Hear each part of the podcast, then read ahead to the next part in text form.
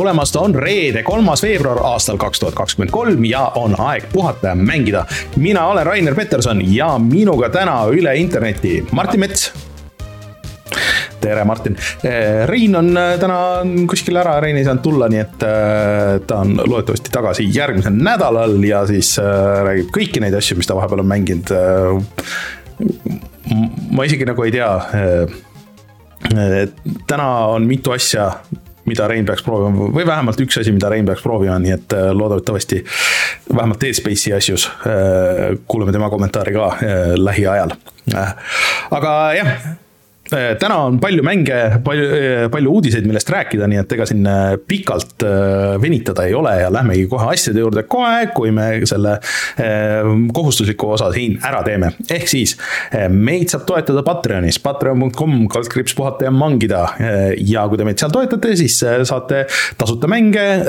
viimane list on üleval, varsti peaks tulema uued mängud me isegi ei tea veel, mis seal täpselt on, eh, siis eh, saate meiega Discordi chat ima tulla, saate hea tunde südamesse ja siis loeme ette ka suurtoetajate nimed, nagu näiteks Taavi, jutlustaja X, Device null, Failissi, GameCAN, Kalevus, ML Linux ja Randroid.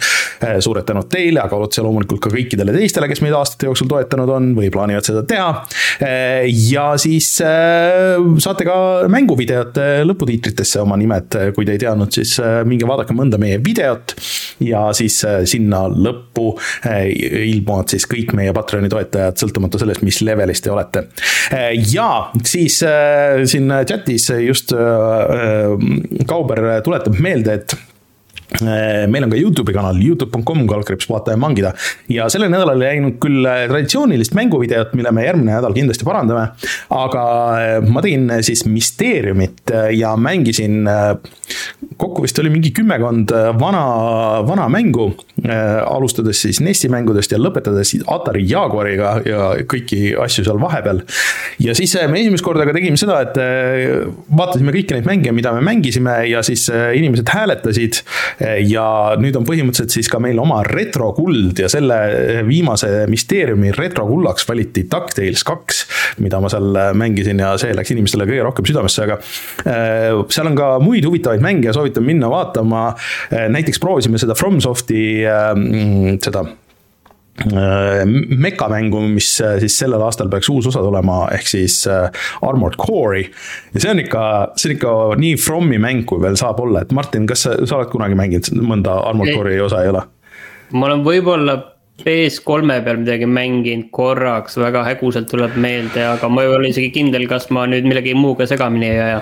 et see on nagu selles mõttes väga toores, et, et noh, sa võtad nagu, sul on oma meka, on ju, siis sa oled selle piloot, lähed missioonidesse, sulle antakse missioonid, missiooni eest sa saad nii palju raha. aga kui sa fail'id selle missiooni, siis sa oled nii palju võlgu ja siis, äh, kui sa selle järgmise missiooni teed, siis sa pead hakkama seda tasa teenima.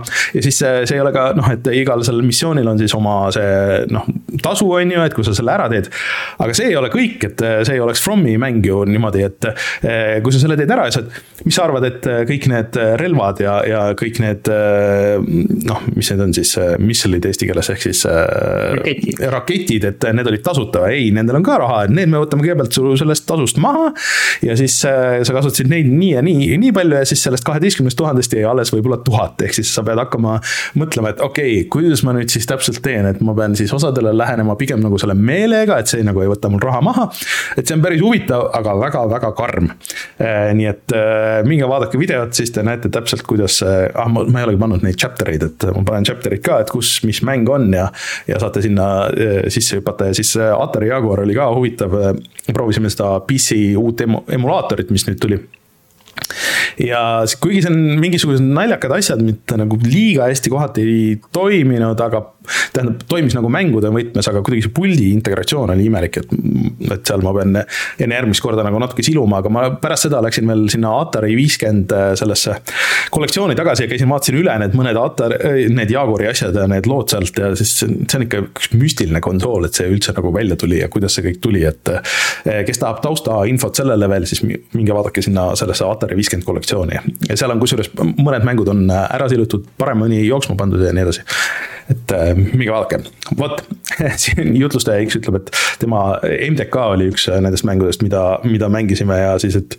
et tema mälestus sai suure löögi, et ta mäletas seda kui ühte ilusaimat mängu ever, aga päris niimoodi. MTK-ga on mul äh, väga vastikud äh, mälestused, sellepärast et mm. seda mängisin ja, ja mälu järgi nagu arvuti peal, aga seal üks aga et eks, eks Martin oli ka noorem ja, ja ei saanud kõigest veel nii hästi aru ja võib-olla ei saa tänagi veel, aga see point oli selles, et ma ei saanud aru, kas see mäng oli demo või see ei olnud, sest ma kohe alguses kuskil jäin kuskile täiesti kinni. ja siis see sai läbi ja midagi ei juhtunud edasi.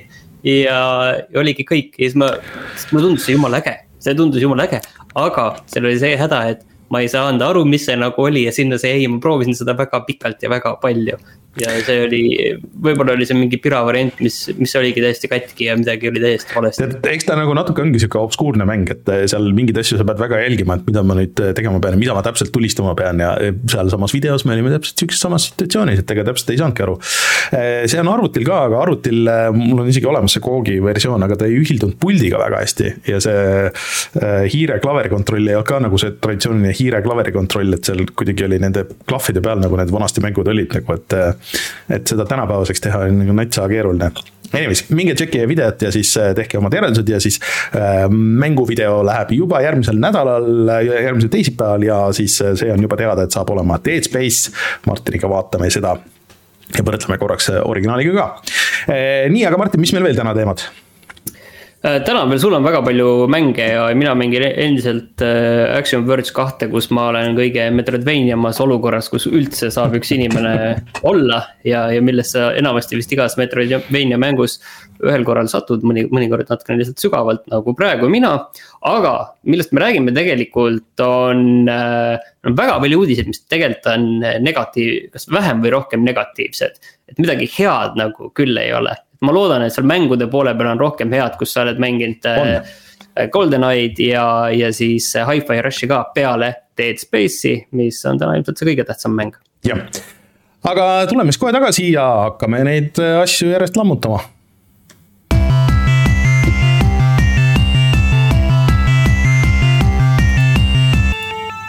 Uudised nii, äh, kui ma vaatasin seda meie saate, saate faili, kus on äh, väga palju teemasid ja nagu ma ütlesin, et äh, negatiivse, negatiivse alatooniga, et noh, tegelikult ma ei tea, kas see kõik on negatiivne, aga. aga kokkuvõttes võib-olla need otsused tulevad positiivsed, siis ma nagu sain aru, et me, me oleme nagu praegu selles mänguolukorras nagu väga sellises veidras ja, ja ma ei tea, kas ma julgen öelda nagu unikaalses olukorras, aga, aga, aga igal juhul see olukord on veider ja ma kohe selgitan, miks. et, et meil tegelikult äh, see eelmine generatsioon konsoolides kestab edasi mm. -hmm. igal pool vahe ja siin ei ole nagu sellist ühte teemat, mis oleks nagu selline hästi tugev, sest kui varem, varem oli see, et vau wow,, et uh, live service mängud, et mäng kui teenus, et see mm -hmm. on mhm. kõige suurem ja tähtsam teema, mis toob sulle lõputult raha sisse mm. -hmm. siis noh, nüüd me oleme olukorras, kus igast otsast pannakse neid uh, neid teenuseid kinni, kui vahepeal tundus, et teeme mobiilimängude spin-off'e tuntud, tuntud äh, sarjadest, mängusarjadest. siis nüüd pannakse neid ka kinni e, või, või cancel datakse enne, kui nad on jõudnud väljagi tulla, et kui ma siin natukene aega tagasi rääkisime sellest, et ei, see aasta tuleb küll Battlefield, et mitte küll see õige Battlefield mm, -hmm. aga Battlefieldi mobiilimäng.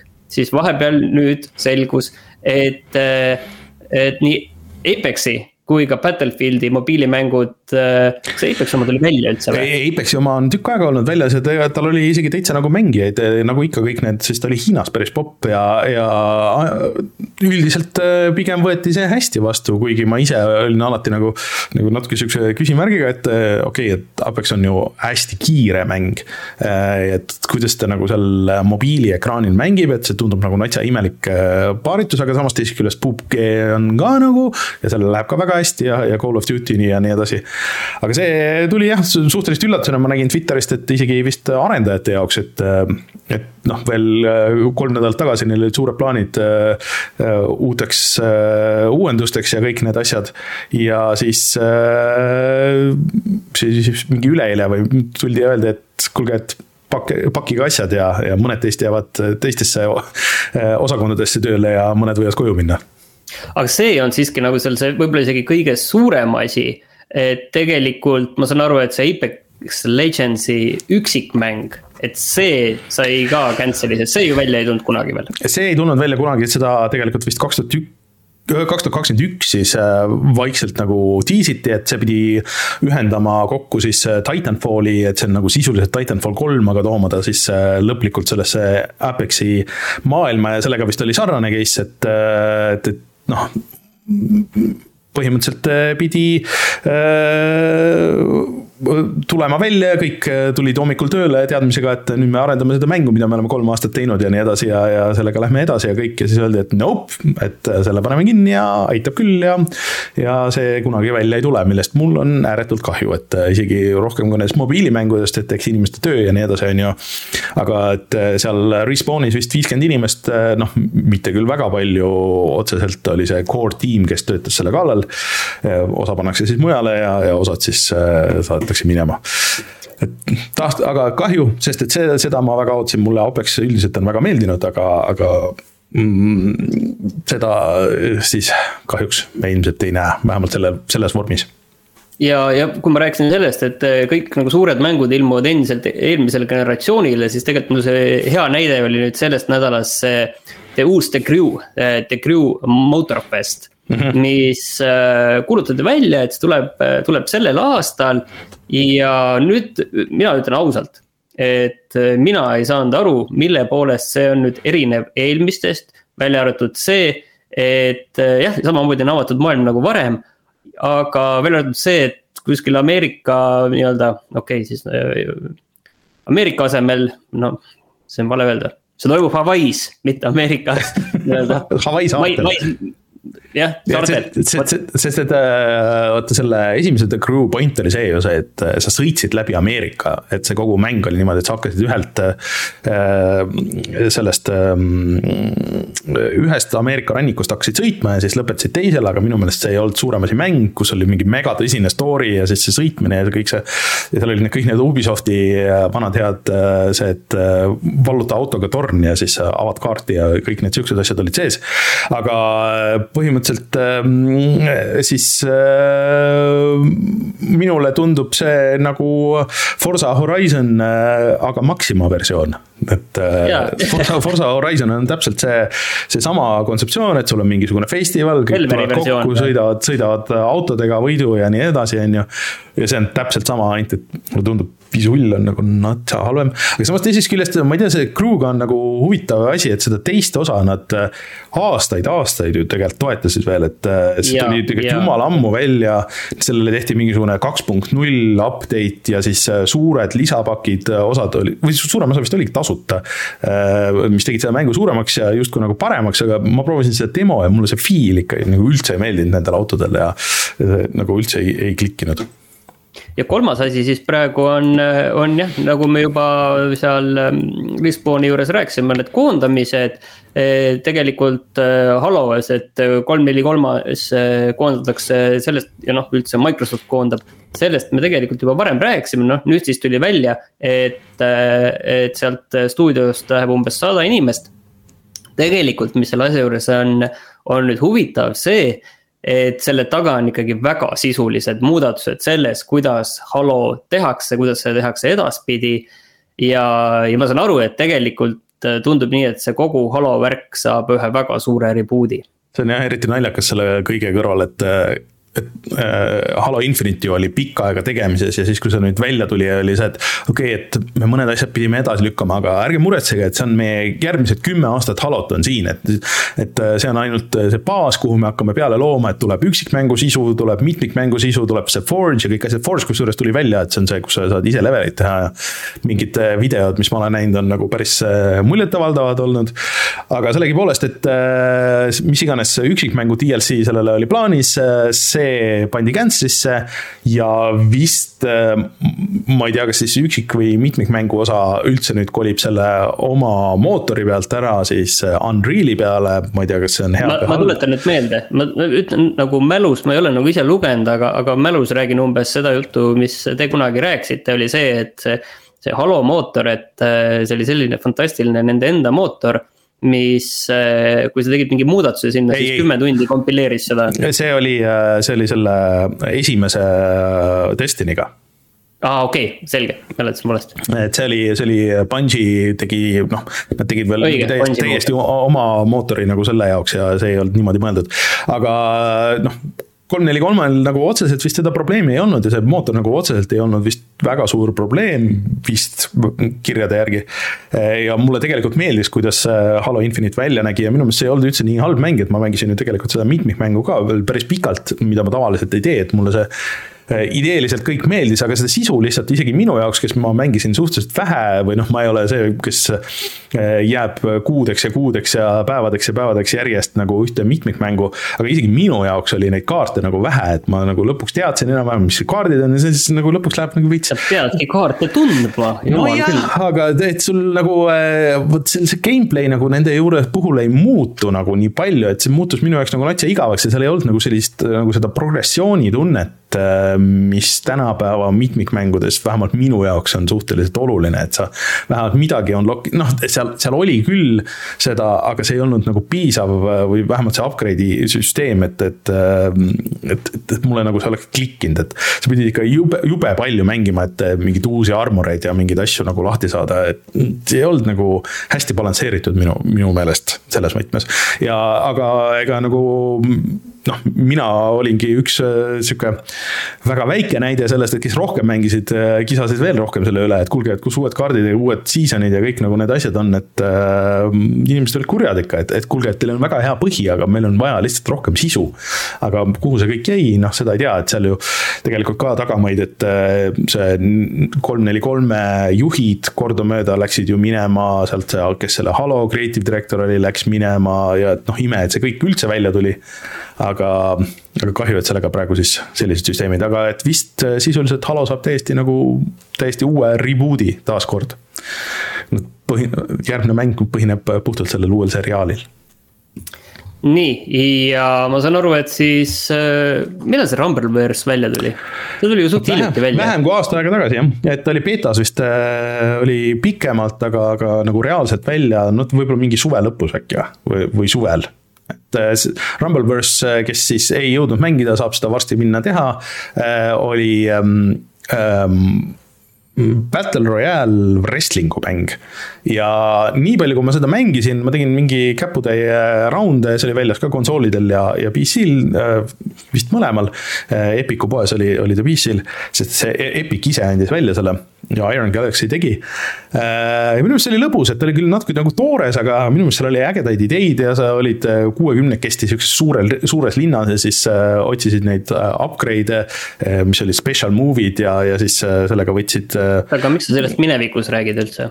no sest, et äh, nüüd anti teada, et see läheb ka kinni, et selle teine hooaeg, mis pidi nüüd tulema, jääb viimaseks ja vist äh, kas maikuus oli see, kui see lõplikult kinni läheb, et see on nagu natuke sihuke, et, et nagu justkui vaata iga reliis peab olema see jõhker blockbuster ja kõige rohkem teeniv asi, et ma ei usu.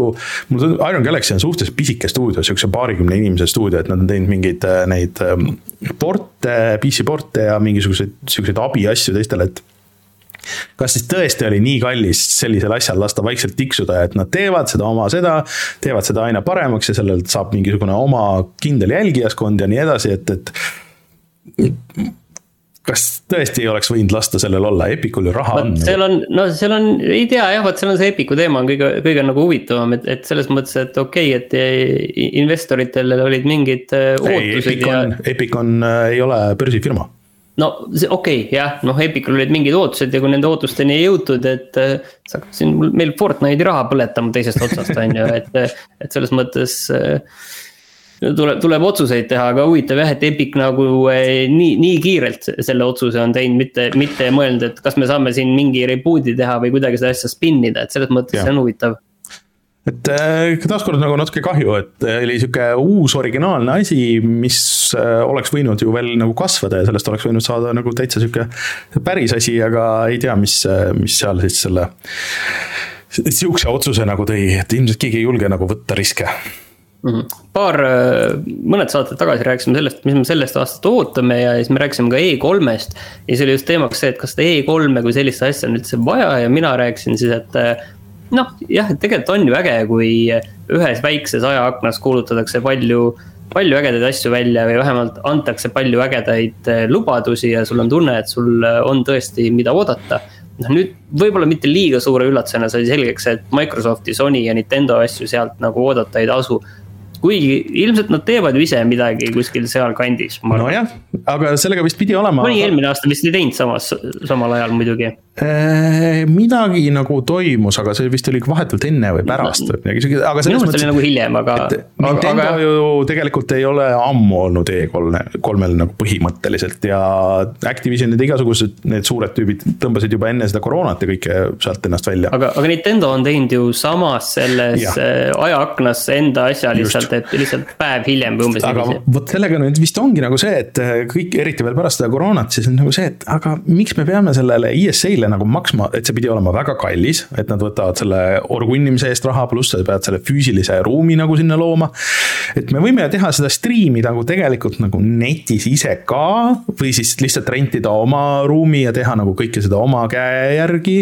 et me ei pea seda koordineerima selle ESA ja kõikide nagu nende tüüpidega et parem teeme nii ähm, füüsiliselt või mittefüüsiliselt, äh, eriti hea on, kui mittefüüsiliselt, me saame kümme korda odavamalt, äh, kuulutame oma asjad välja selles samas ajaaknas. Lähme sinnasamma nende E3-e uudiste alla, kõik on väga tore aga ei pea füüsiliselt kuskile sõitma aga, aga kas sa sellest said aru, et üks asi on see, et nad ütlevad, on E3-e vahel, et kas tähendab nii-öelda sellise suure pressikonverentsi vahele jätmist. või tähendab see seda, et neid reaalselt seal messil ei ole ka nii-öelda nende neid äh, bokse. ei, vot see ongi see boks, see boksid äh, on see, et noh, neid ei ole, nad ei panusta raha sinna. Okay sest et see oli, äh, see oligi pikka aega oli tegelikult ju selle E3-e nagu trump, et sa pidid rentima seda boksi iga aasta, isegi kui sa ei ilmunud sinna, sest et kui sa võtsid või noh, üks aasta jätsid vahele. aga seda renti ei maksnud, siis nad andsid sinu ruumi kellelegi teisele ja siis, kui see oli väga suur, see oli väga big deal, sest et noh, siis sa ei saanud võib-olla nagu nii head kohta ja nii edasi ja sellepärast oligi. Konamidel ja, ja igasugustel tüüpidel seal pikka aega boksid, kuigi võib-olla ise kohal ei olnud või oli mingi üks mäng või midagi sihukest. aga nüüd, kui kõik nagu vahepeal loobusid ära ja siis nad vaatasid, et võib-olla tea, kas see kulu on nagu mõistlik nagu tänapäeval selles mõttes. ja võib-olla nagu ei olegi mõistlik, ma ei tea ei, ei tea jah, et, et see messide koha pealt eh, on nagu igal pool mujal on ka, et eh, on need tunded kahetsed, et mingid messid toimivad nagu väga hästi. ja, ja mingid eh, mitte nii hästi, ma ei ole kindel, kas see E3 nagu selli-, sellises asjas toimib, et see mm -hmm. alati see, see lõpptarbija, kas tema tahab nagu seda messi, et mm -hmm. ja kas nagu sellele nii-öelda industriale on sellisel kujul seda messi vaja ma, ma ei ka ei tea. et arendajatele nüüd tänapäeval on suuremaks läinud ju see GDC, kus tullakse kokku, räägitakse neid asju. et noh, E3 muidugi nagu selles mõttes oli kasulik, kus tehti palju siukseid tagatoa mm, kohtumisi, mis nagu tavainimest väga ei puuduta. erinevad firmad said kokku ja siis rääkisid ja näitasid asju ja tehti, sõlmiti lepinguid ja anti lubadusi ja, ja võeti lubadusi. aga et tänapäeval kõik on nii harjunud nagu tegema neid netis ja kas, kas selle jaoks on nagu vaja kokku saada, et see on see. pluss on, et nende kontseptsioon vist väidetavalt ka ei olnud nagu nii palju muutunud, et see oleks nagu huvitav või tänapäevane, et. Nad ju avasid selle publikule ja see lahenes mingi horroriga, et kus inimesed ootasid, ma ei tea, mingi pool päeva. et saada mängida korraks eh, viisteist mintsa Battlefieldi, mis, eh, mille demo tuli võib-olla, ma ei tea, mingi paari nädala pärast eh, tegelikult netti, on ju, ja kas sellel kõigel on pointi et pigem lähed sinna Paxile, mis ongi nagu suunatud puhtalt nagu mängijale. ja saad palju parema kogemuse nagu, kui, kui sealt. võib-olla see E3-e aeg on ikkagi nagu nagu sellel kujul ikkagi nagu lõplikult läbi no,. ilmselt jah, kuigi me vist ütleme seda kuuendat seitsmendat aastat järjest. no jaa, aga see alati ongi, see on järjest väiksemaks läinud ja sihuke, noh, lihtsalt rohkem nagu online'i kolinud ja see, see E3-e kui sellisega on nagu oluliselt palju vähem nagu seda kokkupuudet aga vastu. lähmegi Microsofti ja Sonyga edasi, sest mõlemad äh, nad äh, eemaldavad asju enda poest, Microsofti liigutus on oluliselt väiksem. Sony oma on natukene, natukene tõsisem et Microsoft, ma saan aru, mis nüüd tegi, on tegelikult siis oma üle-eelmise generatsiooni konsooli poest eemaldas äh, hulga mänge, ehk siis Xbox kolmesaja kuuekümne pealt jah, ja alguses kõik olid väga kohe nagu närvis, sest et väga paljud nendest mängudest on ka Series seeria peal mängitavad. aga siis natuke aega hiljem Microsoft tuli ja täpsustas, et ah, sorry, et, et me eemaldame need ainult kolmesaja kuuekümne poest, aga need jäävad sinna Series poodi jäävad alles. aga samas seal oli ka palju asju nagu näiteks mingi Far Cry kaks ja The Orange Box ja mingid siuksed asjad, mis äh, tegelikult äh, selle mm, Series seeria peal ei ole ostetavad. ja siis mõned mängud olid siuksed nagu naljakad nagu siuksed vahepealsed, et vist kui sul oli digitaalne ostetud kolmesaja kuuekümne peal, siis sa said seda mängida ka Series'i peal aga sa ei saa seda nagu osta justkui sealt, nii et äh, Need vist ka märtsis läksid maha, nii et vaadake seda listi, kui te midagi tahate osta ja teil on Xbox kolmsada kuuskümmend kuskil veel olemas, siis äh, soovitan seda teha, kui ei, füüsiliselt peaks äh, ikkagi töötama edaspidi ka. Äh, ja kui füüsiline ei tööta, siis Xbox kolmesaja kuuekümne emuleerimine on tänapäeval jõudnud päris heasse kohta, nii et nii, aga see Sony uudis tegelikult siis on see, et kui PlayStation viis tuli, siis oli veits see mure, et sellega ei ole midagi alguses mängida ja siis mhm. Sony pani kokku kahekümnest või äkki oli isegi natuke rohkem mänge sellise kogumiku. Eh, noh, mitte selles mõttes kogumiku, et kõik mängud olid ikka eraldi ja sa pidid nii-öelda ostma eraldi. aga need tasuta kakskümmend eh, mängu sulle, kui sa oled muidugi PlayStation plussi eh, klient. ja nüüd Sony lõpetab selle pulli ära millest on nagu kahju, et tegelikult seal oli, noh, sa said kohe väga lihtsalt ligipääsu, need olid ikkagi hitid, need mm -hmm. mängud. et seal oli Uncharted, Until Dawn, Infamous, God of War, Detroit Become Human, Fallout neli ja nii edasi ja nii edasi, on ju. tegelikult tuntud mängud, korralikud mängud, sa said äh, sellise väga hea paki, aga nüüd maikuust äh, Sony lõpetab selle asja ära. no oluline nüüd see tegelikult, et üle vaadata, et kas äh, teil on need mängud olemas, sest kui te praegu need nii-öelda tasuta ära ostate, siis need on teil vähemalt olemas niikaua, kuni teil Playstation pluss on maikuust edasi ka see on nagu suhteliselt nagu üllatav asi, sellepärast et see on nagu hea põhjus, miks PlayStation pluss üldse võtta tegelikult. no mina ka leian ja üldse, et äh, miks Playstation võtta, et, et sa saad kohe nagu need hitid saad üle mängida ja eriti nüüd, kui Uncharted on suur ja, ja The Last of Us on suur, on ju, ja. ja, ja nii edasi, et nad pigem oleks võinud selle sihukese nagu promona edasi kasutada. Aga Sony vist tõmbab igalt poolt nagu nii palju kokku, mulle tundub, kui vähegi võimalik, aga need suurem osa oli nende enda mängud, et ja, ja paljud on ka mingi noh, mingi neli aastat vanad mängud, et kui palju see neile tõesti nagu maksis, et kas see taaskord ei oleks võinud nagu jääda sihukeseks toredaks äh, promoks sinna või, või, või ma ei tea jah, ma, ma ei oska ka midagi, midagi, midagi muud öelda, et, et see arusaamatu suhteliselt. aga siin on üks edasilükkamise uudis ka, mis üllataval kombel on ainult äh, kuus nädalat, et siis äh, Star War oota, mis õige nimi oli, Star Wars Jedi Survivor. et see lükkub edasi, nüüd ta pidi tulema seitseteist märts ja, ja tuleb välja nüüd äh, kahekümne kaheksandal aprillil. Muide, selles samas Playstation plussis nii-öelda tasuta mängude all on praegu see Star Wars Jedi Fallen Order. jah, ja kusjuures Olli Olli tuleb nüüd lõpuks, nii et sa saad seda proovida Oli Oldi World tõesti ja. tuleb nüüd, aga praegu kahjuks on Action Verge, okei sellest räägime, räägime hiljem. Äh, üks, äh, üks positiivne uudis ka, aga see on tõesti väga väike asi, on see, et äh, Life is Strange'i, need, kes selle originaal Life is Strange'i tegid. Nendelt nad õrritsesid, et neil tuleb uus mäng, ei tea veel selle nime. Ja üks screenshot on lihtsalt avaldatud, aga selle stiili poolest on see noh, väga sarnane sellele ja selline üheksakümnendate tegevustik, seal on ju seda videomakki näha. et eh, see on äge, et lihtsalt ma, ma panin selle siia lihtsalt sellepärast, et, et ma olen üsna õrn selliste mängude vastu, et mm. või noh, nad, nad suudavad mind tabada seal mm., et selle üle mul on hea meel, et äkki midagi uut ja, ja äkki on ka, äkki on ka hea kuule, aga tegelikult ma tahtsin rääkida üldsegi ühest teisest asjast, millest ilmselgelt sina tead rohkem, sest ma ei ole sellesse, sellesse üldse süvenenud, et ma tahtsin rääkida Tomb Raiderist. jah, äh, see oli lihtsalt veider uudis, et äh, selle nädala, sada protsenti ei ole nagu kinnitatud, et äh, nüüd on nagu. no see on kuulujutt jah. no see ei ole päris kuulujutt ka, et, et ta on ikka kuulujutu tasemest nagu nõks kaugemal, sest et seda me ju teadsime, et Amazon pidi tegema Tomb Raideri kas filmi või seriaali, mingisugust asja aga nüüd selgub see, et Amazon väidetavalt siis ostis kogu Tomb Raideri õigused sellelt mm, Enforcerilt või Embracerilt Embracer., Embracerit tähendab siis ära ja maksid selle eest kuussada miljonit dollarit Äh, mis on päris hea summa, arvestades, et Embracer maksis Square'ile nagu kõikide nende Eidose ja kõik, mis seal Square'i kõik need äh, lääne stuudiod olid, maksis kolmsada miljonit.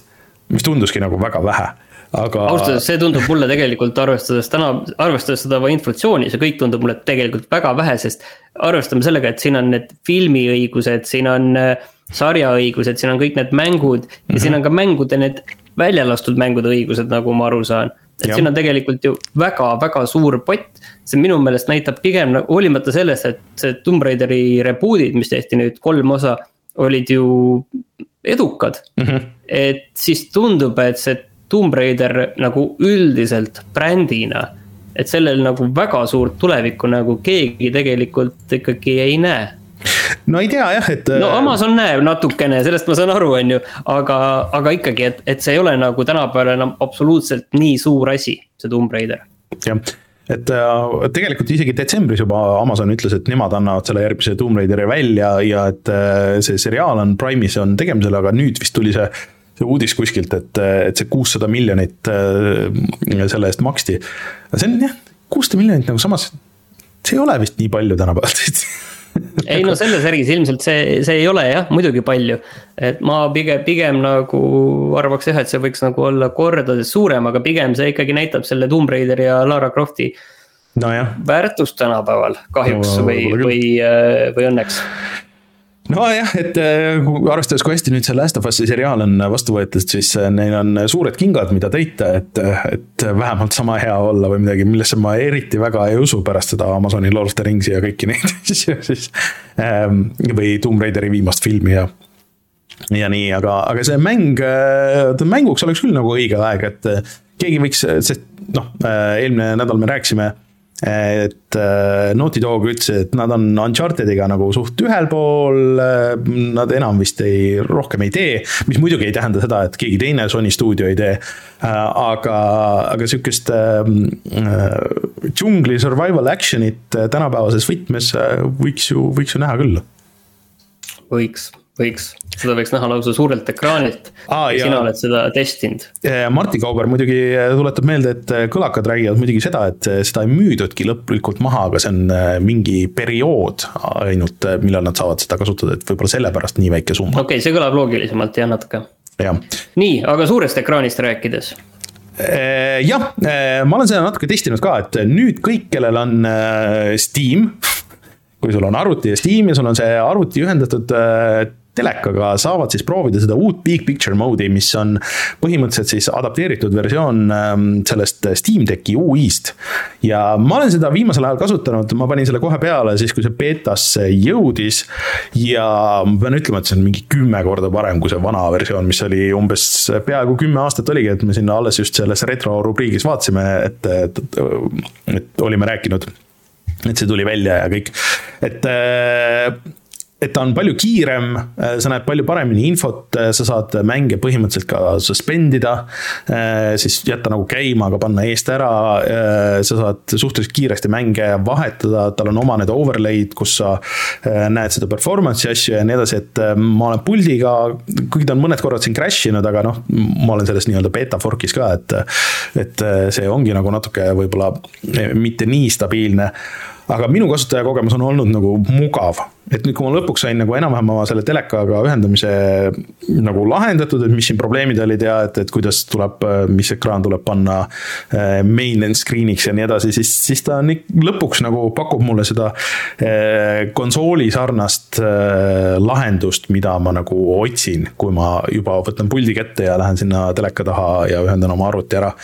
nii et uuendage oma Steam, proovige järgi, mulle see tundub ikkagi väga mugav ilmselt kuskil läpaka peal mängides äh, veel eriti, et äh, ta konfib kohe kõik need mm, puldid ära, saad seal suhteliselt mugavalt seda ekraani vahetada ja nii edasi, et, et lõpuks ometi üks suurem uuendus sinna Steam'i, mida vähemalt mina olen küll ammu oodanud Steam vist vaikselt nagu äh, kõiki endale asju nüüd nagu lõpuks uuendab, et vaata see mobiili äpi uuendus oli ka siin eelmise mhm. aasta sügisel millalgi Äh, muidu äh, naljakas asi, millest ma ei ole ka rääkinud, mida ma olen ka vahepeal proovinud, oli see, et äh, jõuluvana tõi Apple TV teise toa telekale.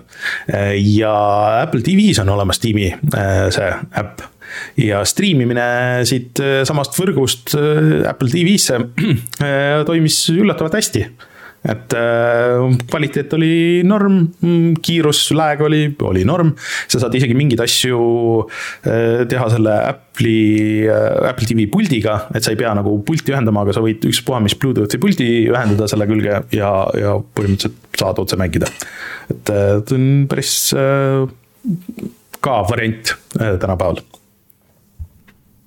nii, aga uudised vist saidki otsa nüüd seekord, et, et nagu näha oli tegelikult selline üsna, üsna kirju värk on see, mis meil siin kõik toimub nii niiviisi ja.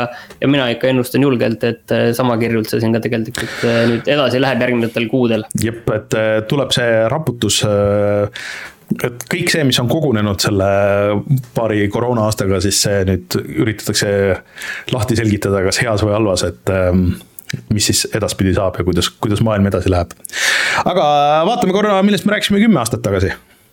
retro. Eh, nii, eh, kümme aastat tagasi olid meil siuksed teemad, et eh, mina jätkusin, jätkasin seal Wii U lainetel, aga aga siis olid ka nagu siuksed kahtlased asjad, et THQ lõplikult läks siis pankrotti ja siis müüdi see South Park'i mäng Ubisoftile, mis oli päris big deal nagu tollel ajal. ja siis see Epic Mickey stuudio, Warren Spectori stuudio Junction pandi ka kinni ma ei teagi, mis Warren Spectorist sai nagu pärast seda, et aeg-ajalt ikkagi võtab sõna siin ja seal, see on siis legendaarne Deus Exi mees. aga ma ei tea, mis ta stuudio on tänapäeval ei tea, aga ma näen, et me mõlemad oleme mänginud Metal Gear Rising Revengeance'i demo, ma mäletan jah, et sealt tuli demo välja, see tundus nagu suur asi. Äh, sina tegid ka selle läbi nagu mina või? mina tegin ka jaa ja., äh, mulle väga meeldis see mäng, et. ja mulle meeldis ka, aga, aga ma millegipärast mäletan seda nagu suhteliselt vähe, ma pean tunnistama, et siin kümme aastat hiljem, et ilmselt see mäng tuli ka natuke pärast, pärast seda välja jah, et see jookseb kusjuures tänapäeval väga hästi kõikidel konsoolidel ja ka arvutil, et sellele vist konsoolidele tuli nüüd see, originaalist oli vist kolmkümmend FPS-i, aga nüüd tuli kuuskümmend FPS-i patch ja, ja et kui sul on see olemas, siis Xbox'il saad äh, mängida. Äh, ja mina mängisin Azuras Wrathi, mis on äh, üks väga veider QuickTime'i mäng ja, ja siis erinevaid, erinevaid demosid ja beetasid, aga vot siis hakkas nagu vaikselt see Wii U teema nagu selguma, et, et Nintendo on siin ise võtnud ka oma ootusi maha, et tõmbasid poolteist miljonit äh, maha nendest numbritest, mis nad arvasid, et müüvad ja, ja ega see nagu paremaks ei läinud seal. et see oli kuidagi kohe alguses, et see haip oli suur, kui see välja kuulutati ja siis see lihtsalt kadus. Ja siis edaspidi oli haip ainult siis, kui oli äh, Nintendo mõni enda mäng tulemas ja, ja niimoodi see läks, kuni tuli Switch välja ja siis edasine on ajalugu, mis, kas Switch juba on saanud kõik, kõik, terve kogu ajaloo kõige müüdumaks konsooliks või? ei, veel ei ole, veel ei ole, aga seal väga palju vist minna ka ei olnud. aga ei, no tegelikult oli veel minna ikka, oli veel minna, et äh, Switch sai vist sada miljonit äh, täis mingi aeg tagasi, aga noh, sada viiskümmend viis on, on minna veel. Mm sada viiskümmend viis on eesmärk, kuhu minna, siis tähendab. No.. aga jaa, et kümme aastat ma ikka see, nii halb asi, et ma kogu aeg näen, kuidas kümme aastat on ikka nii lühike aeg, sest ma näen, et näiteks meie soovituseks oli Surgeon Simulator kaks tuhat kolmteist. ehk siis üks mäng, millest meil on ka video ja mis on vist väga populaarne video meil olnud, aga lihtsalt tundub, et see nüüd ei olnud küll nüüd nii kaua aega tagasi, aga näe, oli. Äh, Tom Mont ütleb, et peale System Shock kolme juures töötamist teeb Spectre uut mängu kuskil, nii et mm, see on huvitav. et äh, tegemist ikkagi mänguindustry legendiga mõnes mõttes vot, aga tuleme siis tagasi ja räägime kõigist nendest mängudest, mida vähemalt mina olen sellel nädalal mänginud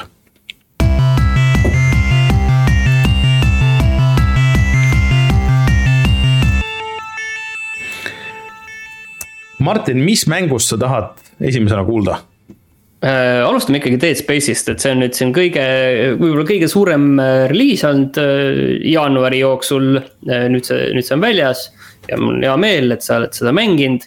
et ma ütlen ette lihtsalt ära, et esimene Dead Space ilmus viisteist aastat tagasi, aastal kaks tuhat kaheksa.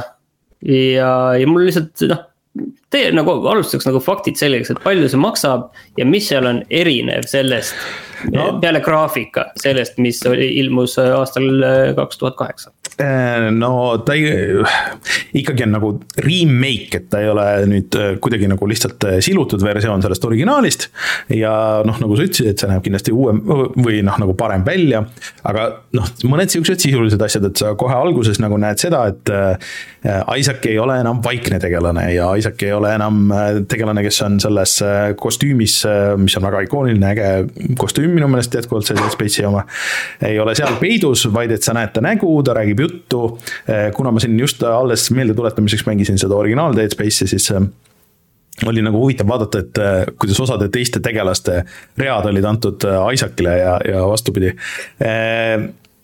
Aga edasi nagu sisuliselt mäng ka, et need kohad ja see põhimõtteliselt järjestus ja kõik need nagu äh,, nagu võimed ja need asjad sul on põhimõtteliselt samad aga see level ja see nagu levelite disain on ikkagi nagu natuke erinev, et äh, ma ei ole veel nagu nii kaugele jõudnud, ma olen seal äh, teise peatüki kuskil, äh, ma ei tea, keskel või lõpupoole. et, et see kogu Ishimura vist on nagu natuke nüüd nagu sihukeses Metroidvania võtmes avatud. et kui muidu sa said teha nagu ühe jupi nagu korraga sa tegid ära, siis sa läksid sellesse, sa vist mängisid ka läbi, on ju, selle originaali. siis sa läksid minu meelest sellesse metroosse ja siis sa sõitsid selle metrooga nagu põhimõtteliselt sinna järgmisesse sisuliselt levelisse. ja noh, mingites kohtades sa vist tulid Said tagasi. tagasi minna minu meelest ka. aga see oli mingi väga, väga mingi valitud, aga nüüd äh, mingites situatsioonides äh, või et noh, sul nagu vaba voli, et sa võid vist liikuda tagasi, niimoodi ma olen aru saanud äh,. ja missioonides endas ka, et kohe seal alguses, et, et filmida seda materjali sellesse videosse, et kuidas see mm, originaalis oli, siis ma käisin läbi mingisugust kohta, kus ma just olin originaalis või selles nüüd remake'is olnud. ja see oli ikka nagu suhteliselt teistsugune, et kui originaalis see oli suhteliselt lineaarne, et sa läksid kuskile ühte kohta ja siis tegid seal mingit asja, siis äh, nüüd selles remake'is see oli nagu jagatud kaheks, et okei okay,, et sa võisid minna sinna ja sinna ja siis sa pidid lahendama mingeid puslesid seal vahepeal, et see, kuidas sa saad äh, seal need mingid asjad tehtud ja siis sa läksid sinna teise kohta, et okei okay,, et äh, nüüd sa teed seal, et noh, põhimõtteliselt sa jõuad küll sama tulemuseni, aga see on piisavalt erinev, et kui sa seda viisteist aastat tagasi mängisid, siis et see tuleb tuleb nagu tuttav ette, aga see ei ole nagu üks sama äh, sellega, mida sa tollel ajal mängisid. Äh, eriti veel, kui sa noh, näiteks oled siin vahepeal seda mänginud, siis, äh, mm, siis seda parem nagu selles mõttes. aga, aga eks ikkagi jah, kõige suurem asi on see visuaal ja, ja ma pean ütlema, et see, mm, ma võtsin selle PC versiooni. PC maksab kuuskümmend eurot. just, et see on ikkagi nagu täishinnaga mäng ja see jookseb väga hästi ja näeb ikka väga hea välja välja, et äh, selle kohta. aga, aga, aga üks asi, üks nagu ütleme nüüd mure, mis mul praegu nagu tekkis, et mis tegi Dead Space'i heaks, oli see, et see oli selline. oled üksinda kosmoselaevas, äh, selline õudus, atmosfäär mhm. mm, -hmm. pimedad nurgad, varjud äh, mm,, et seoses sellega, et see tegelane nüüd räägib, kindlasti ta omaette räägib mingit dialoogi. õnneks, õnneks seda siiamaani ei ole olnud, et see no., ma ise kartsin ka, et kas tuleb see nagu tänapäeval kõikides need, selles Forspoken'i üle tänapäeval kõik naeravad. et kuidas see tegelane ei jää vait või High on life või, või midagi.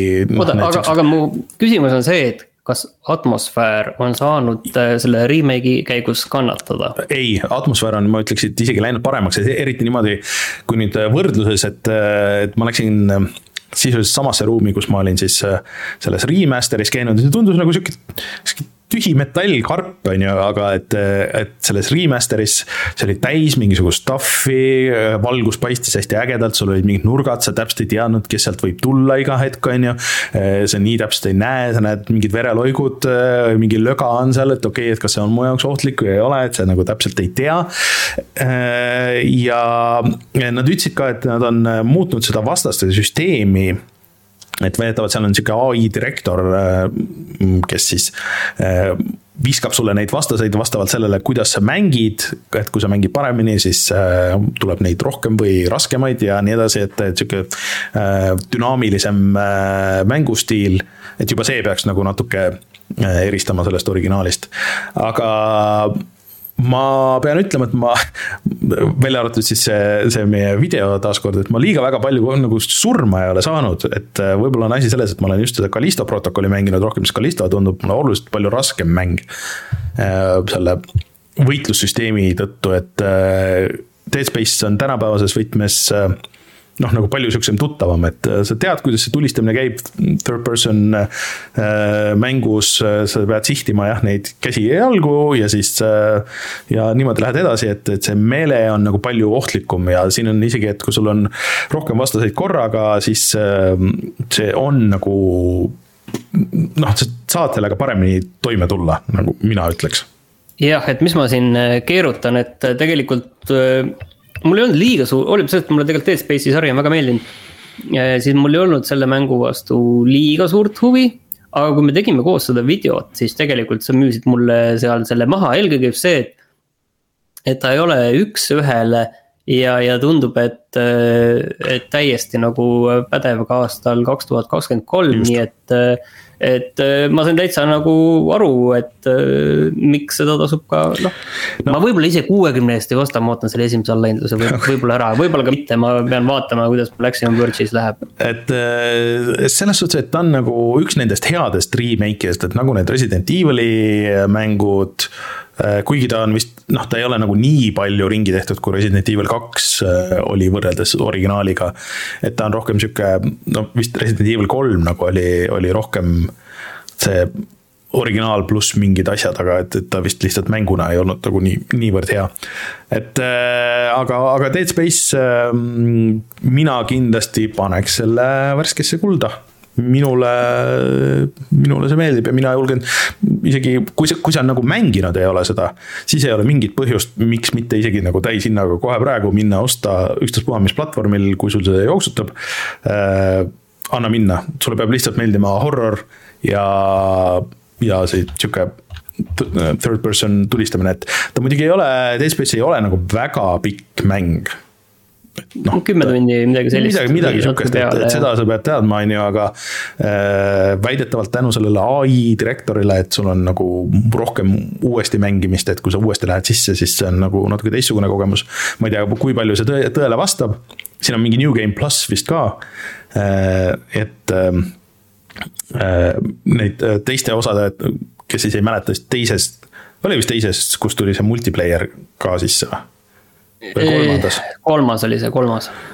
koostöö, koostöö tuli sinna nii-öelda. jah, et äh, neid siia sisse pole tehtud, et või toodud, et aga arvestades, kui hästi see on nagu vastu võetud, siis minu jaoks on nagu huvitav see, et mis Dead Space'ist nüüd siis saab, et kas nad, ma ei usu, et nad Dead Space, Dead Space kahte siis hakkavad remake ima, kuigi noh, mine tea, aga aga või, või teevad nagu täiesti uue osa nagu siia otsa. see on ikkagi, see on ka see, et üks oli ikkagi kõige parem nendest. no lihtsalt eh, kahe ja kolme nagu ähm, traagika oli selles, et tulid sellisel ajal välja, kus kõik nagu katsetasid nende erinevate maksusüsteemidega ja et mis seal probleem oli, oli see, et sa võisid osta vist kohe alguses.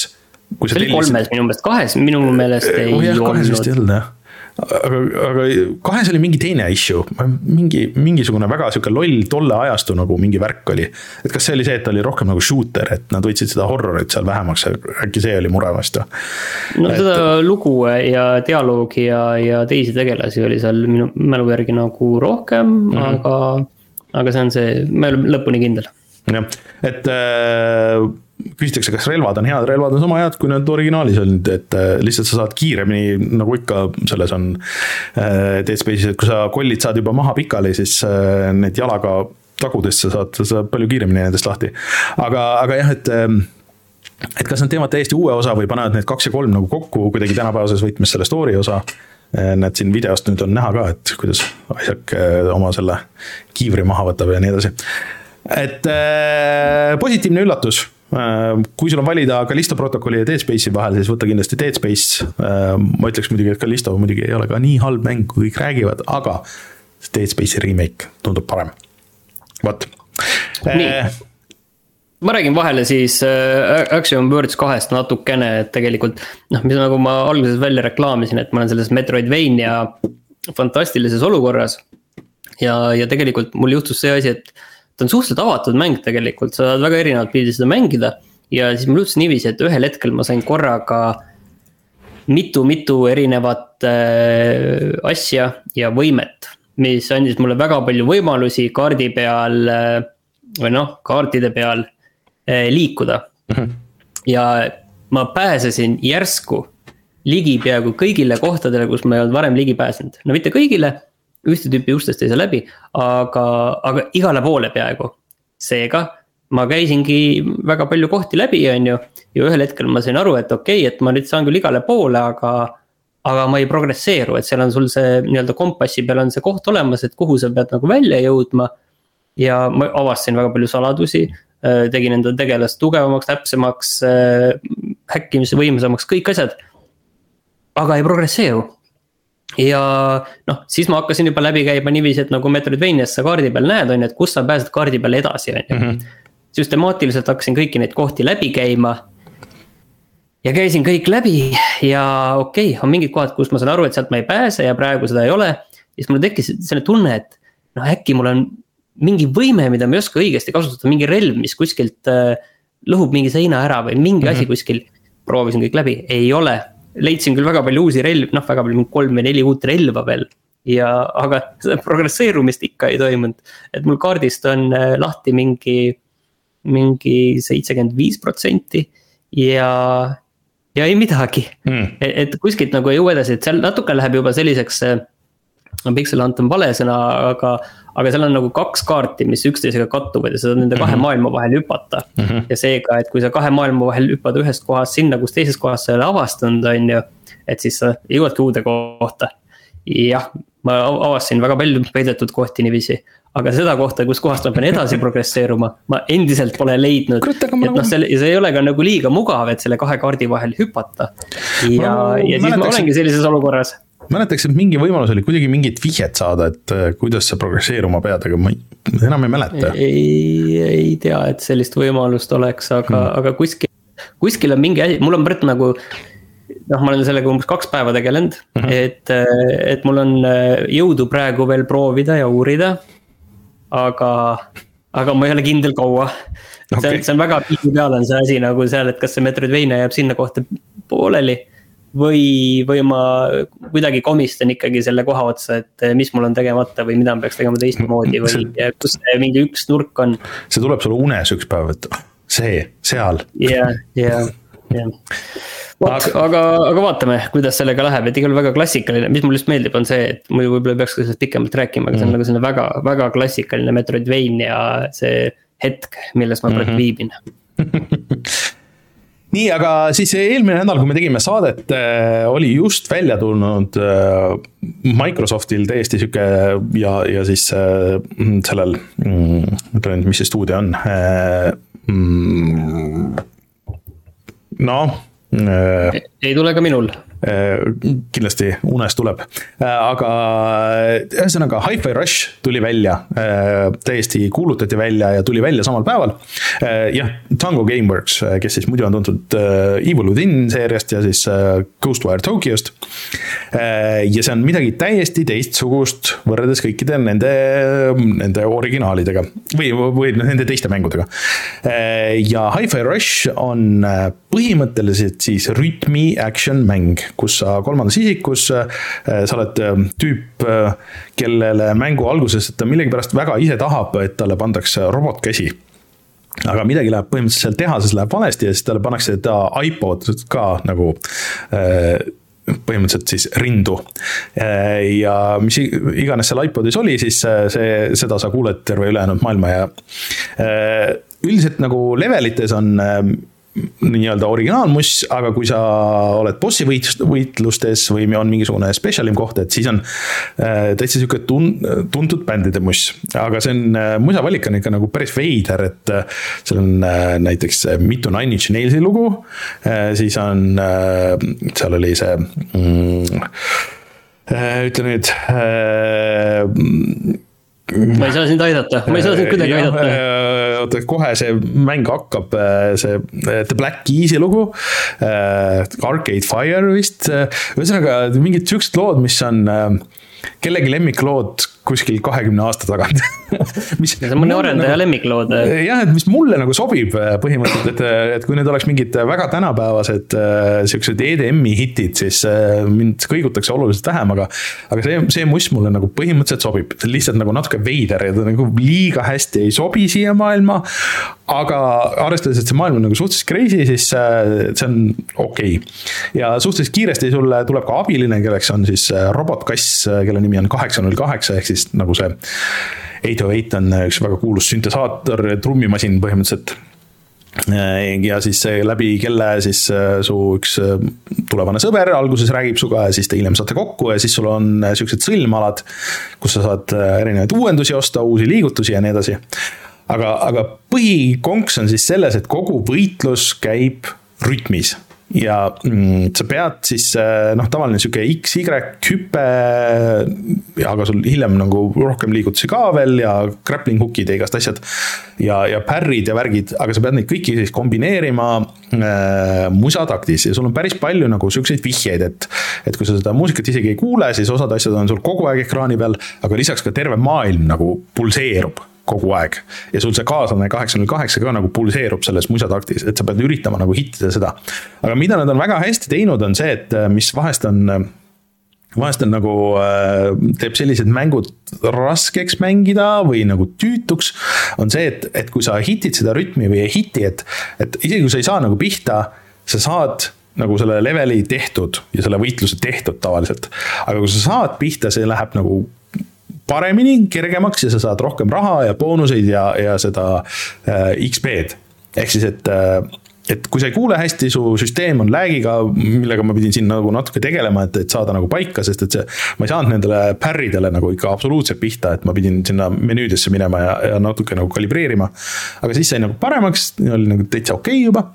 Äh, aga üldiselt mingeid S-rank'e või neid asju, et siin on nagu, nagu Jaapani mängudele kombeks. Äh, Devil May Cry's või Bayonetas, siis pärast igat võitlust sulle antakse see ranking ja siis on alati kurb, et aga mul korraks oli juba S oli ees, aga okei okay,, ja siis mingi asi, et okei okay,, et ma see taiminguga, taiming oli ikka nagu D ja siis äh, selle tõmbas mu seda üldist maha ja kurat, et tahaks nagu uuesti teha ja nii edasi, et, et see on väga hästi lahendatud.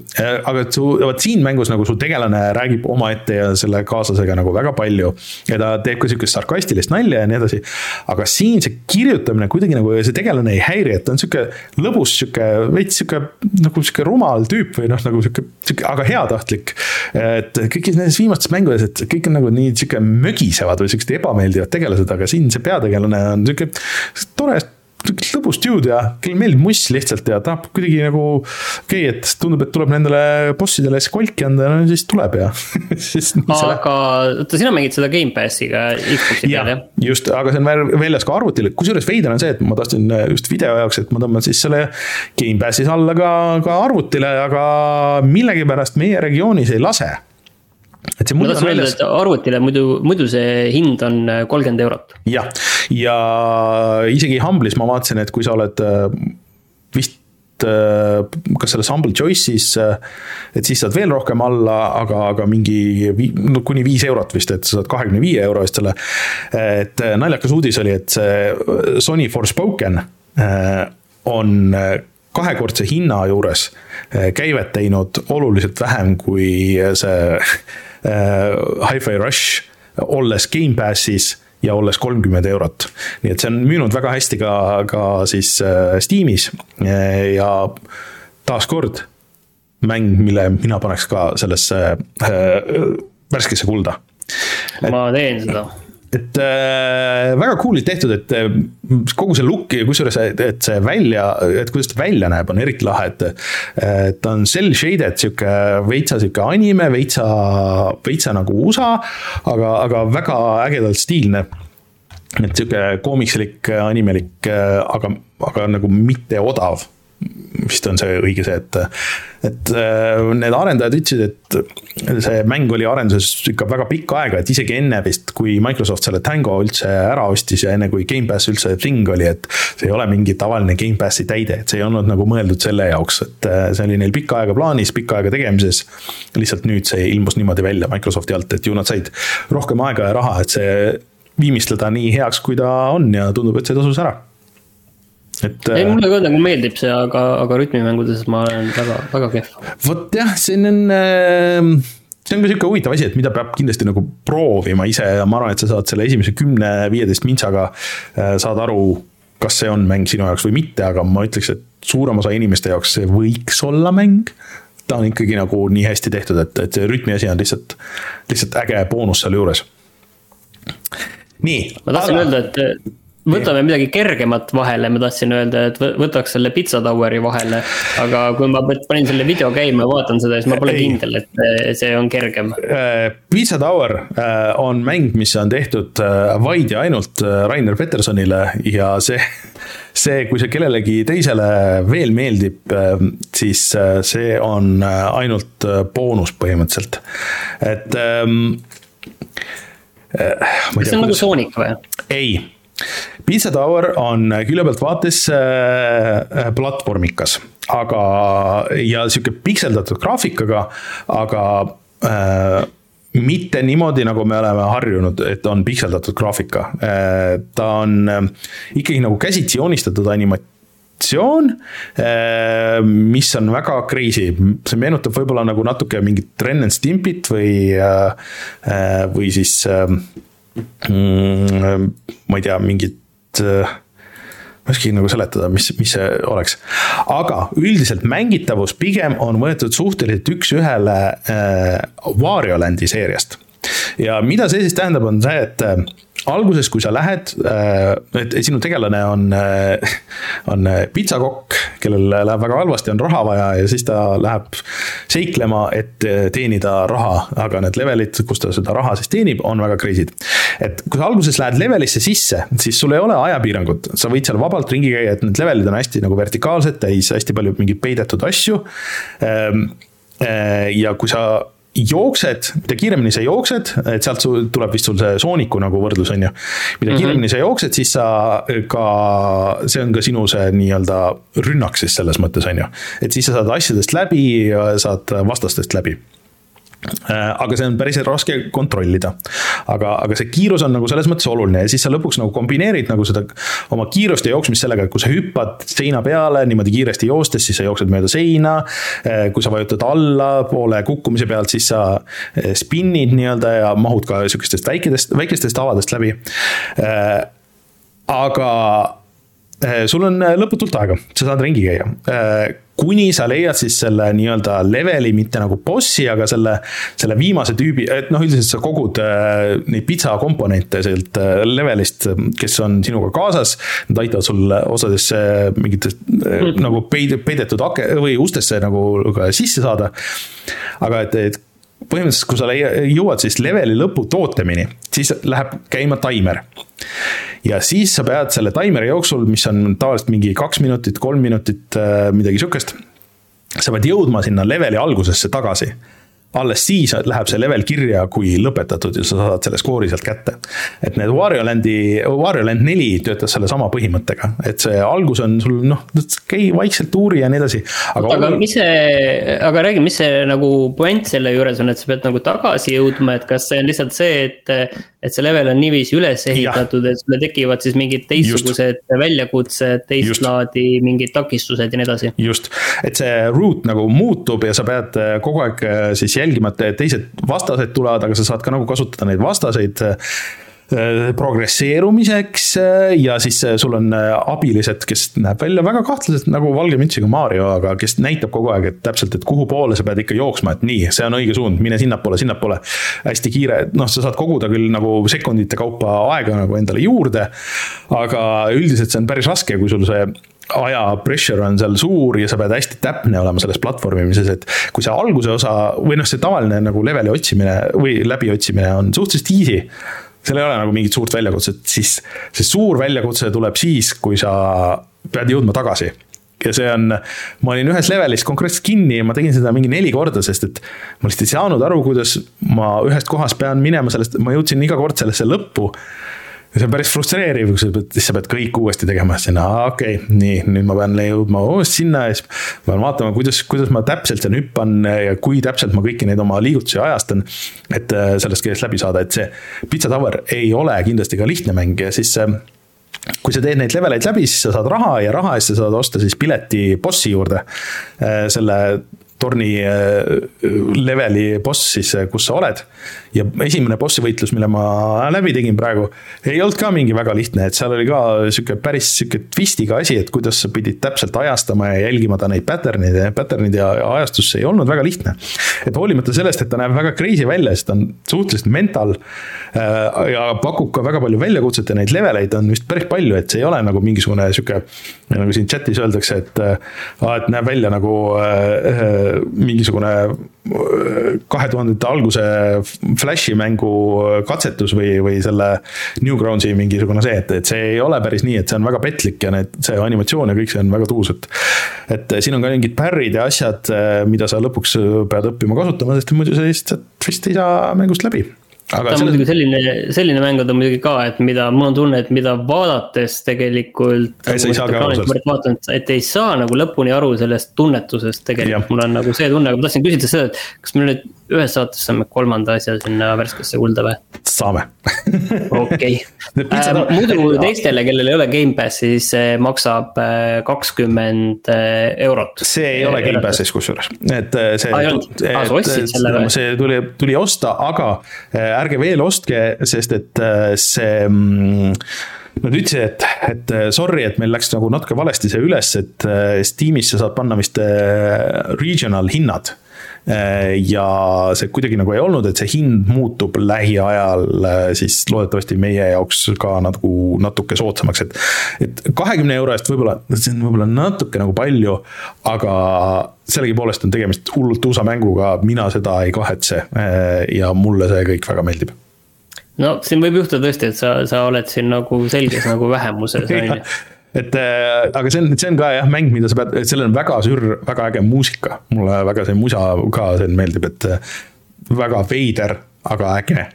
et äh, vaadake videosid, kui natukenegi huvi pakub või, või, või Wario Landi mängud on ajalooliselt huvi pakkunud, siis see on üks nendest vähestest mm, vähestest spirituaalsetest järgedest sellele nii, aga, aga ega ma sul ei lase hinge tõmmata selles mm. mõttes, et sa, sa korra, korra, korra nüüd puhka üks, üks sekund, aga.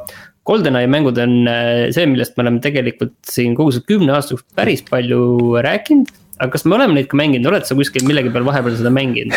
ma olen seda mänginud kunagi emulaatori peal üksjagu ja ma pean ütlema, et isegi siis see ei avaldanud mulle väga muljet, kuigi mulle on Rare'i mängud üldiselt väga meeldinud pigem. nii, aga nüüd on nad väljas nii Switch'i peal kui siis ka Xbox'i peal, eks?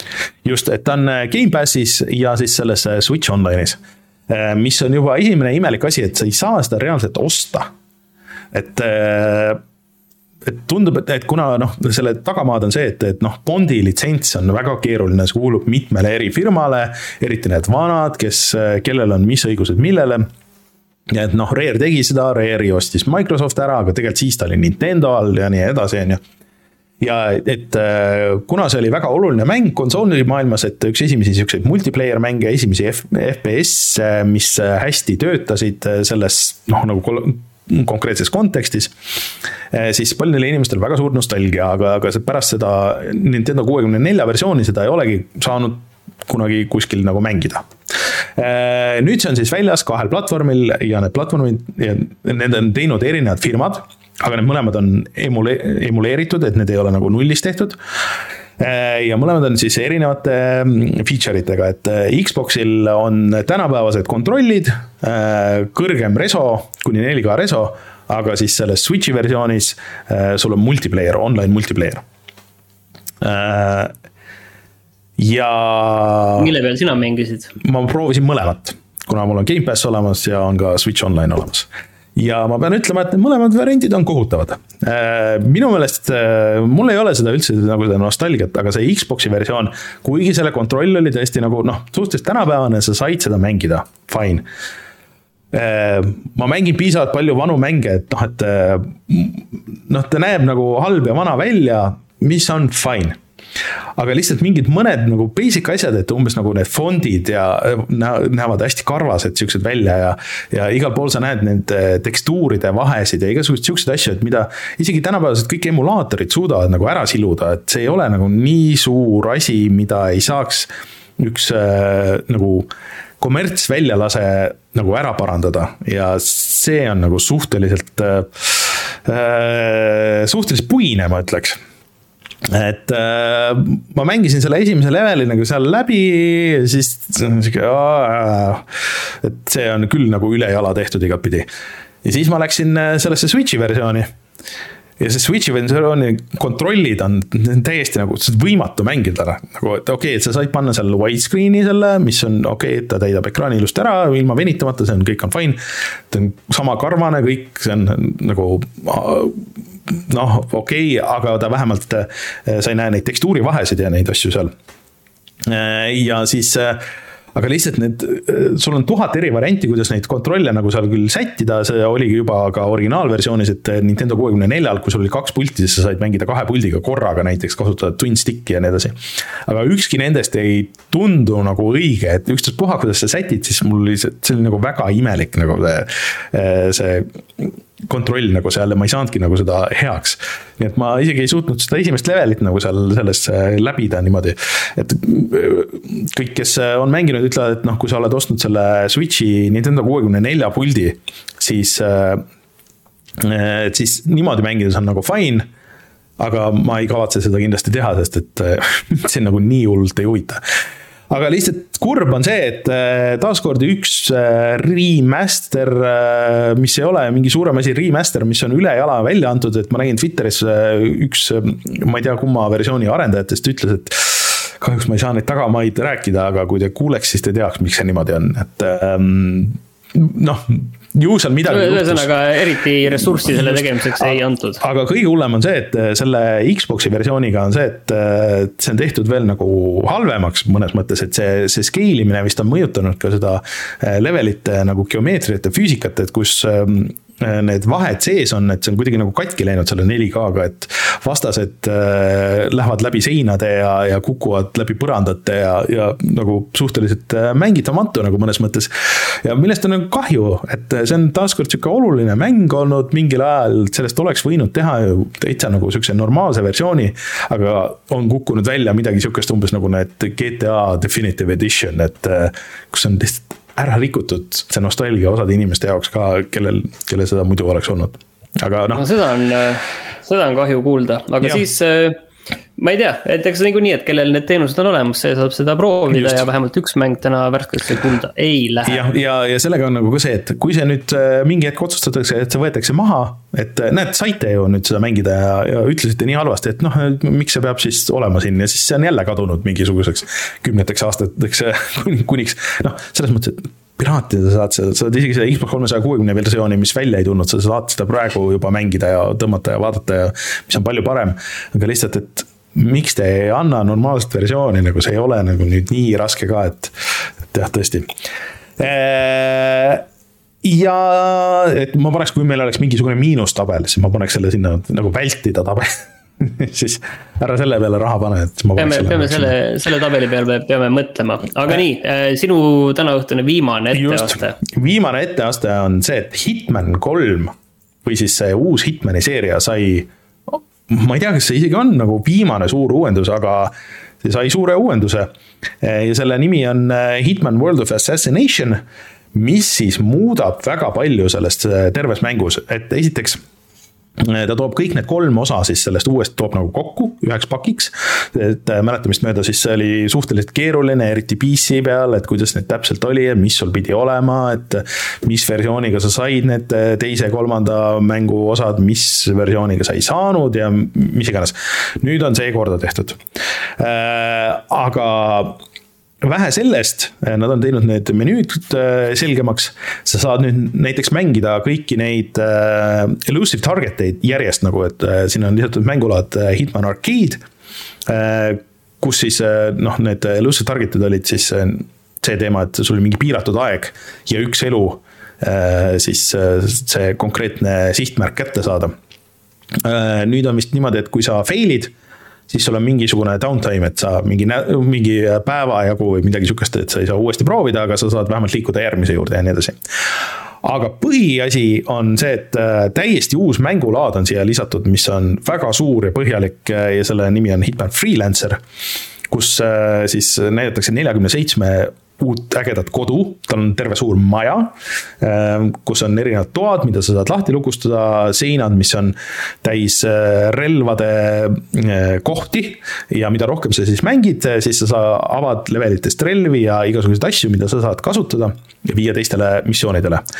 Äh, süsteem on sihuke, et, et see avab nagu kõik need kaardid, mis sul on ja annab nagu erinevad missioonid, mis koosnevad siis mitmest osast et sa valid nagu mingi missiooni, seal on äh, kolm nagu sihukest äh, nagu target'id siis või, või no ühesõnaga, et, et, et sa lähed kolme eri kohta, kus on siis erinevad missioonid äh,. tavaliselt on ka mingid lisatingimused, et äh, kasuta ainult seda asja või ära seda kasuta. või siis võta see vastane või noh, see, see oma sihtmärk maha selle konkreetse asjaga, selle eest sa saad lisaraha ja siis mäng annab ka sulle nagu mingisuguseid äh, boonusasju, mida sa saad selles levelis kasutada, et mida sa otseselt ei vali, aga et annab mingi kolm asja, et millest sa võid ühe valida.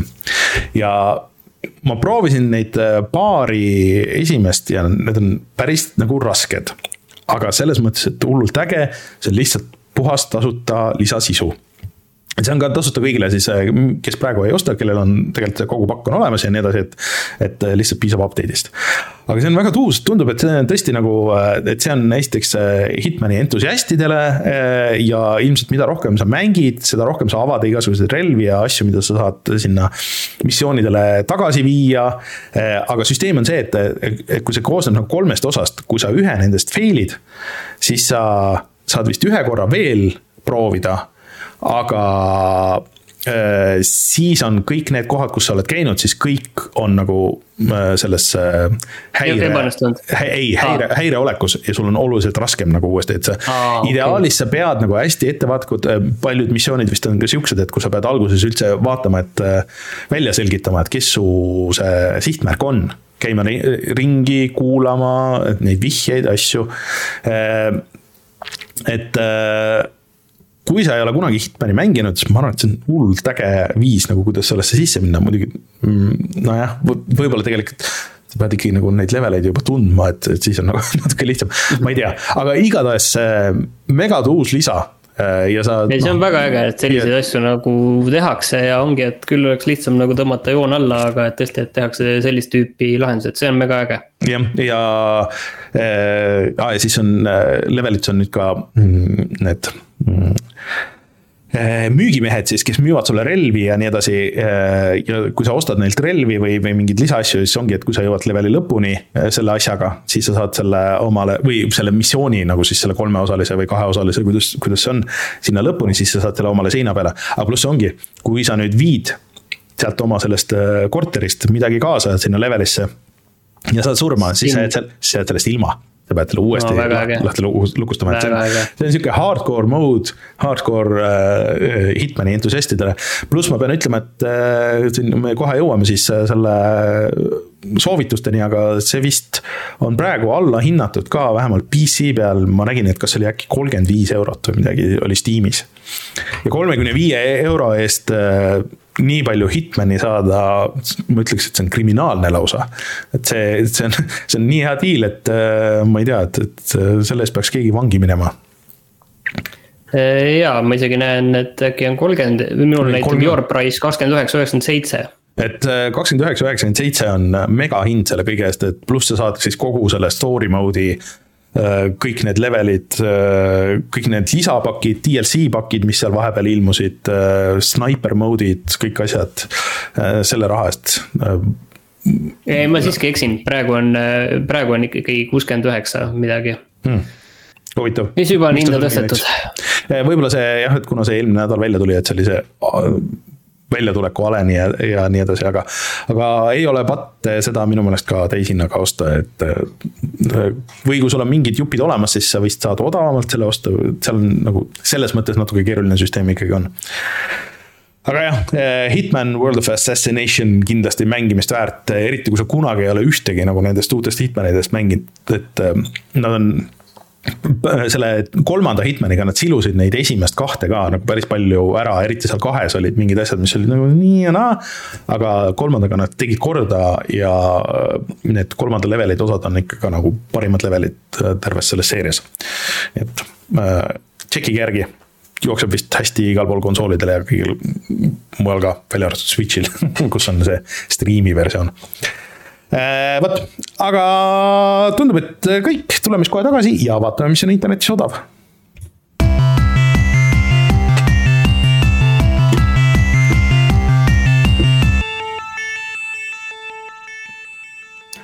Eelmine saade ütlesime, et järgmine nädal tuleb Epicus tasuta Dishonored Death of the Outsider. nüüd ongi see tasuta olemas seal ja seda saab null euroga sealt osta soovitan kõigile, et see on sihuke natuke lühem äh, siis äh, see mm, Dishonored'i kogemus.